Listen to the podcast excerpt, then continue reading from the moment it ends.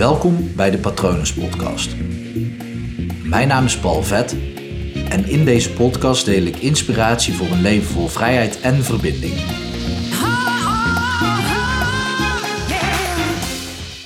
Dat je niet alles weet is goed nieuws. En ik wilde deze aflevering eigenlijk ga, ja, een beetje zweverig gaan maken. Dat doe ik niet, dus je kan gerust aangehaakt blijven. Misschien op het einde kom ik daar nog even op terug. En wat ik daarover wilde zeggen is dat vrije wil, dat dat misschien niet eens bestaat. Maar dat is misschien een cliffhanger voor aan het einde van deze aflevering. Ik heb het artikel hiervoor al geschreven. Ik eh, schrijf altijd artikelen, de helft of driekwart deel ik op mijn website. En op dit moment deel ik alles op mijn Instagram pagina. Dus mocht je dat interessant vinden, volg die vooral even. En in dat artikel heb ik het over het ehm, niet helemaal doorhebben wat woorden betekenen. Het klinkt een beetje gek, alsof je niet echt weet wat een woord betekent. Soms ben ik ook echt van mening dat we de betekenis van woorden kwijt zijn, of dat de betekenis van woorden worden verbasterd of zelfs veranderen gedurende de tijd. Dat is ook wel interessant om een keer over te hebben. Um, simpel voorbeeld bijvoorbeeld als je iets verwacht. Nee, je zegt verwacht. Maar eigenlijk is het iets wat in de verre toekomst ligt, wat op je ligt te wachten. Dus dan is het verwachten. En op het moment dat je het op die manier ontleedt, kan je daar veel meer um, uithalen. En je kan er ook veel meer mee. En je kan het ook veel beter begrijpen. Um, maar dan heb je dus wel de daadwerkelijke kennis nodig en ook de diepere kennis van dat woord. Uh, de post die ik heb geschreven gaat over omgeving. Ik heb daar al vaker dingen over gezegd. Maar de eerste keer, of misschien wel de eerste paar jaar dat mensen het daarover hadden, hoe belangrijk je omgeving voor je is, raakte het nooit echt aan mij. Ik dacht, ja, het klopt wel, maar ja, ik voelde het niet of zo. En op een gegeven moment is het echt in elkaar geklikt dat ik dacht: oké, maar dit is het. Hier gaat het nou om. Waar het eigenlijk om gaat, zijn namelijk de mensen waar je de meeste tijd mee besteedt.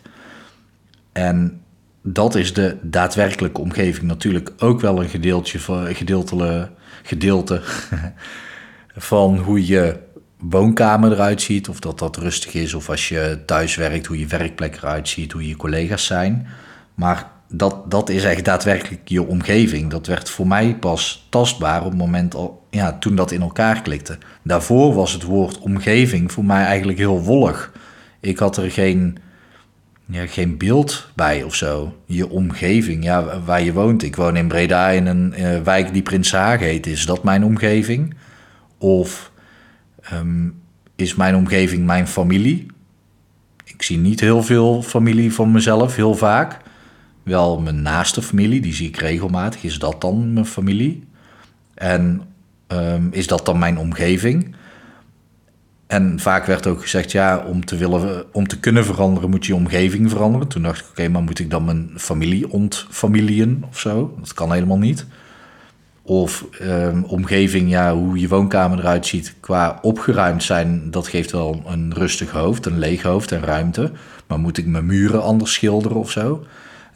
Snap je? Het was voor mij gewoon heel, heel wazig, heel wollig. Ik had gewoon niet door wat, wat de daadwerkelijk beteken, daadwerkelijke betekenis van die woorden was. En dat is het mooie geweest uiteindelijk, dat het in elkaar klikte. En vanaf dat moment dat ik het daadwerkelijk begreep, volledig begreep, heb ik die stap kunnen zetten om daar iets aan te kunnen doen aan mijn omgeving. Dus aan de mensen met wie ik de meeste tijd besteed. En ja, daarom durf ik ook te zeggen dat het. Um, ik geloof dat jij heel erg in een veranderproces zit, anders zou je deze podcast niet beluisteren, die over het herprogrammeren van je patronen gaat. En anders zou, ja, als je heel je leven perfect is, zou je dit waarschijnlijk minder interessant vinden, tenzij je dit wil doorgeven aan mensen. Um, graag zelfs, altijd leuk. Maar mij laat het heel erg zien dat er nog zoveel te leren valt en dus ook nog zoveel te groeien valt. Dus waar ik nu zit in mijn leven. Ik weet dat ik nog zoveel te leren heb. Dus ik weet ook dat ik, dat ik nog zoveel een mooier leven kan hebben, een beter leven, een leuker leven, fijner leven. Of als dat allemaal al goed is, ehm, een ander leven waar ik misschien blijer van word. Of ja, maar het maakt eigenlijk niet uit, want van groei word ik gewoon heel erg blij. En ik denk jij ook, want anders luister je ook niet deze podcast. Maar die groei, die, die kan ik dus pas maken op het moment als ik meer kennis heb en daadwerkelijk de kennis begrijp en uiteindelijk ook actie onderneem op de kennis. Maar ik kan in ieder geval pas actie ondernemen op, op het moment als ik ook begrijp wat die kennis betekent en als ik überhaupt daarvan vanaf weet. En dat is eigenlijk het stukje wat ik net tegen je wilde zeggen over het misschien niet helemaal hebben van vrije wil. Op het moment als ik iets wil, dan heb ik daar al kennis van genomen. Anders zou ik het namelijk niet kunnen bedenken dat ik het wil. Ehm, op het moment als ik niet weet van het bestaan van een mogelijkheid, dan is het nagenoeg onmogelijk, tenzij ik de eerste ben die het uitvindt. Maar anders is het nagenoeg onmogelijk om aan die optie te denken. En dat is ook tof, want dat betekent dat ehm, het cirkeltje waarin ik nu zit, van alles wat ik weet en alles wat ik doe naar aanleiding van wat ik weet. Misschien zijn er wel zoveel meer en mooiere en vettere, effectievere mogelijkheden om te groeien in mijn leven, waarvan ik gewoon nog niet het bestaan vanaf weet. En misschien hebben heel veel mensen dat wel eens geroepen. Er zijn tegenwoordig best wel veel goeroes op het internet die allemaal tegeltjeswijsheden rondstrooien.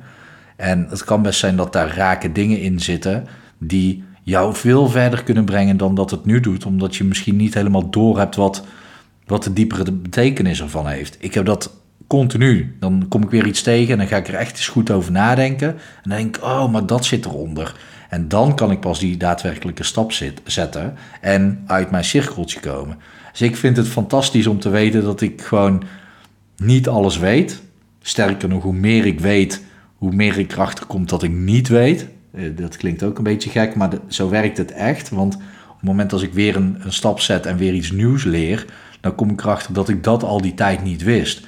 Dus dat betekent dat er nog zoveel meer te leren is van wat ik niet weet. En uh, dat stukje over vrije wil.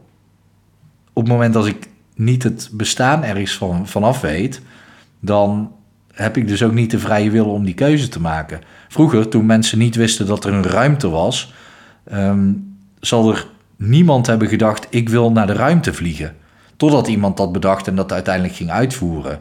Maar de, de vrije wil is er, was er toen ook gewoon niet. Want ja, je kon ook wel willen dat, dat er een ruimte was en hopen voordat er bewijs was van de ruimte. Maar dan kon je ook nog steeds niet naar de ruimte springen of vliegen. Dus je wil is, wordt beperkt door de kennis die je hebt. En binnen de kennis is het handig om gewoon echt te beseffen wat bepaalde dingen betekenen. En wat ze daadwerkelijk voor je kunnen doen. Of in hoeverre zij jou tegenhouden. Ik denk dat ik wel genoeg heb, uh, heb gedeeld over dit onderwerp. Ik denk dat ik hier ook nog wel heel lang over door kan praten. Maar ik denk dat de kern duidelijk is. Mocht je hier vragen over hebben, dan, dan vind ik het leuk als je me mailt op patronen.palvet.com. Of als je meepraat via Instagram, gewoon even zoeken op Palvet. Ik hoop dat alles goed met je gaat. En ik ben benieuwd of dat je nu naar kennis op zoek gaat die je net een stapje verder gaat brengen. Um, doordat je daadwerkelijk beseft wat iets betekent. Ik ben benieuwd. Laat het me weten. Ik wens je nog een mooie dag toe. Hoi.